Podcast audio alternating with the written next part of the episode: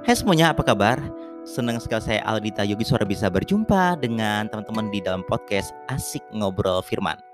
Dan saat ini saya akan membacakan ayat-ayat firman Tuhan mengenai kesembuhan dan saya berdoa ketika teman-teman mendengarkan firman demi firman tentang kesembuhan, maka teman-teman akan mengalami kesembuhan ilahi. Kenapa? Karena kesembuhan adalah hak untuk setiap orang percaya. Bapak nggak mau anak-anaknya terus tinggal di dalam sakit penyakit adalah kehendak Tuhan untuk teman-teman bisa menjadi sehat dan sembuh. Tetapi sebelum saya menyampaikan kabar baik atau mungkin membacakan firman-firman tentang kesembuhan, saya ingin mengajak teman-teman untuk berdoa. Mari kita berdoa. Bapak terima kasih buat anugerahmu. Terima kasih buat kasihmu. Bapak, kami minta supaya engkau memberikan kepada kami roh hikmat dan wahyu agar kami bisa mengenal engkau dengan benar. Jadikan mata hati kami terang agar kami bisa mengerti pengharapan apakah yang terkandung di dalam panggilanmu, betapa kaya kemuliaan bagian yang telah engkau tentukan bagi kami, orang kudusmu. Roh kudus kami siap belajar, di dalam nama Tuhan Yesus. Amin.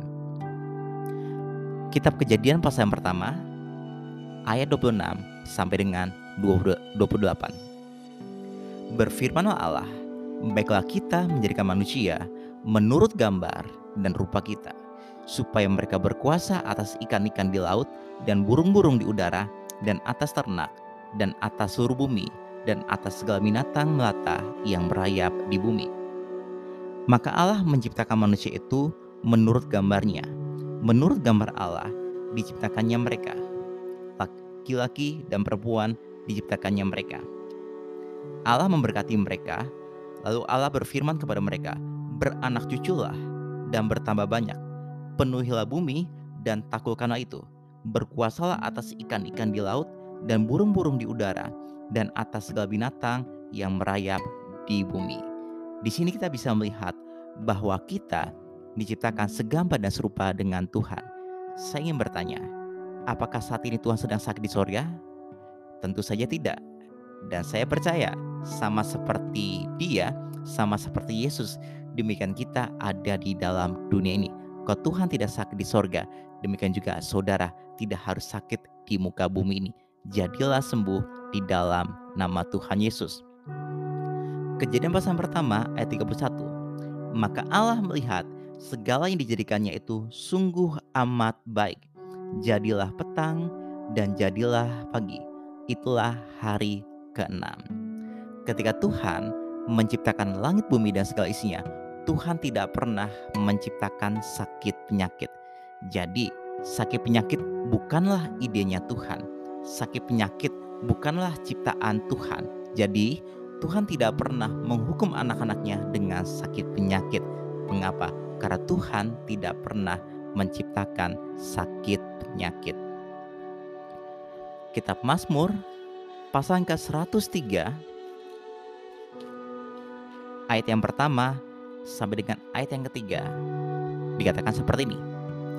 Pujilah Tuhan hai jiwaku, pujilah nama yang kudus hai segenap batinku. Pujilah Tuhan hai jiwaku, dan janganlah lupakan segala kebaikannya. Dia yang mengampuni segala kesalahanmu, yang menyembuhkan segala penyakitmu. Tuhan bukan sekedar mengampuni semua dosa-dosa kita, tetapi ia juga menyembuhkan segala penyakit kita. Tidak ada penyakit yang besar atau kecil di hadapan Tuhan. Semuanya sama. Jadi kalau firman Tuhan mengatakan bahwa kita sudah disembuhkan, saya berdoa, jadilah sembuh di dalam nama Tuhan Yesus. Yesaya 53 Kitab Yesaya 53 ayat yang pertama sampai dengan ayat yang kelima dikatakan seperti ini. Siapakah yang percaya kepada berita yang kami dengar? Dan kepada siapakah tangan kekuasaan Tuhan dinyatakan? Sebagai taruk ia tumbuh di hadapan Tuhan, dan sebagai tunas dari tanah kering. Ia tidak tampan dan semaraknya pun tidak ada sehingga kita memandang dia. Dan rupa pun tidak sehingga kita menginginkannya. Ia dihina dan dihindari orang. Seorang yang penuh kesengsaraan dan yang biasa menderita kesakitan. Ia sangat dihina sehingga orang menutup mukanya terhadap dia. Dan bagi kita pun dia tidak masuk hitungan. Tetapi sesungguhnya penyakit kitalah yang ditanggungnya dan kesengsaraan kita yang dipikulnya. Padahal kita mengira dia kena tulah, dipukul dan ditindas Allah. Tetapi dia tertikam oleh karena pemberontakan kita. Dia diremukan oleh karena kejahatan kita. Ganjaran yang mendatangkan keselamatan bagi kita ditimpakan kepadanya. Dan oleh bilur-bilurnya kita menjadi sembuh.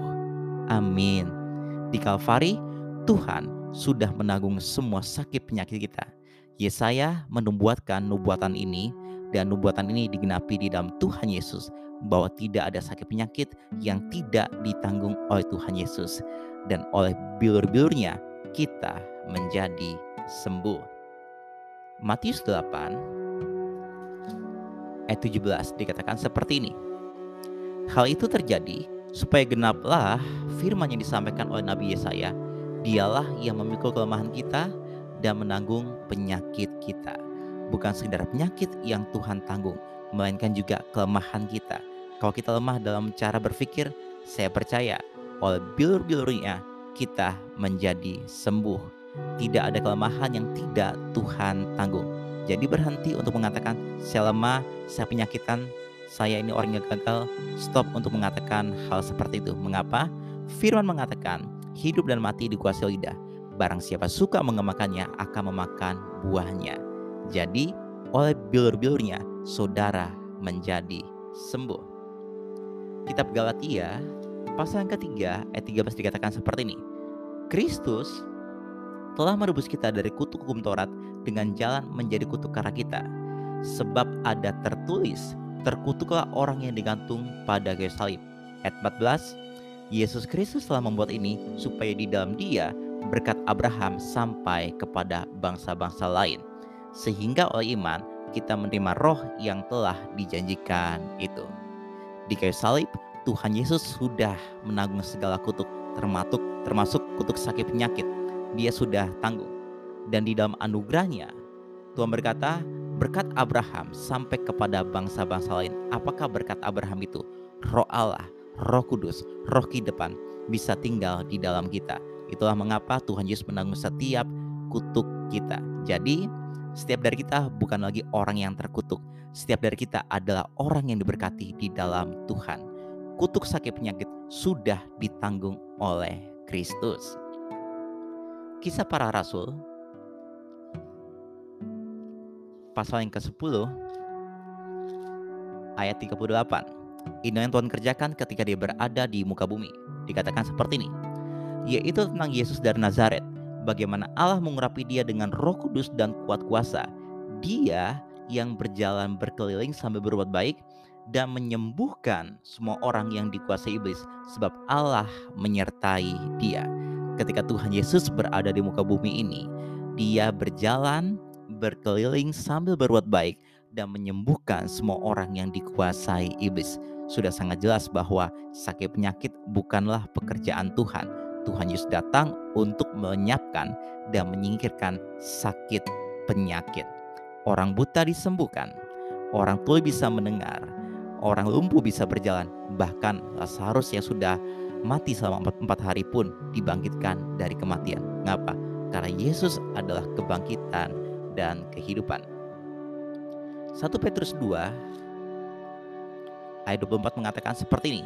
Ia sendiri yang telah memikul dosa kita di dalam tubuhnya di kayu salib supaya kita yang telah mati terhadap dosa hidup untuk kebenaran oleh bilur-bilurnya kamu telah sembuh saya percaya ketika saudara mendengarkan firman-firman tentang kesembuhan harapan saudara bangkit saya percaya firman ini akan tertanam di dalam hati saudara sehingga saudara bisa melihat apa yang Tuhan sudah kerjakan bagi saudara di kayu salib ingat sakit penyakit bukanlah kehendak Tuhan. Tuhan mau supaya setiap anak-anaknya bisa mengalami kesembuhan.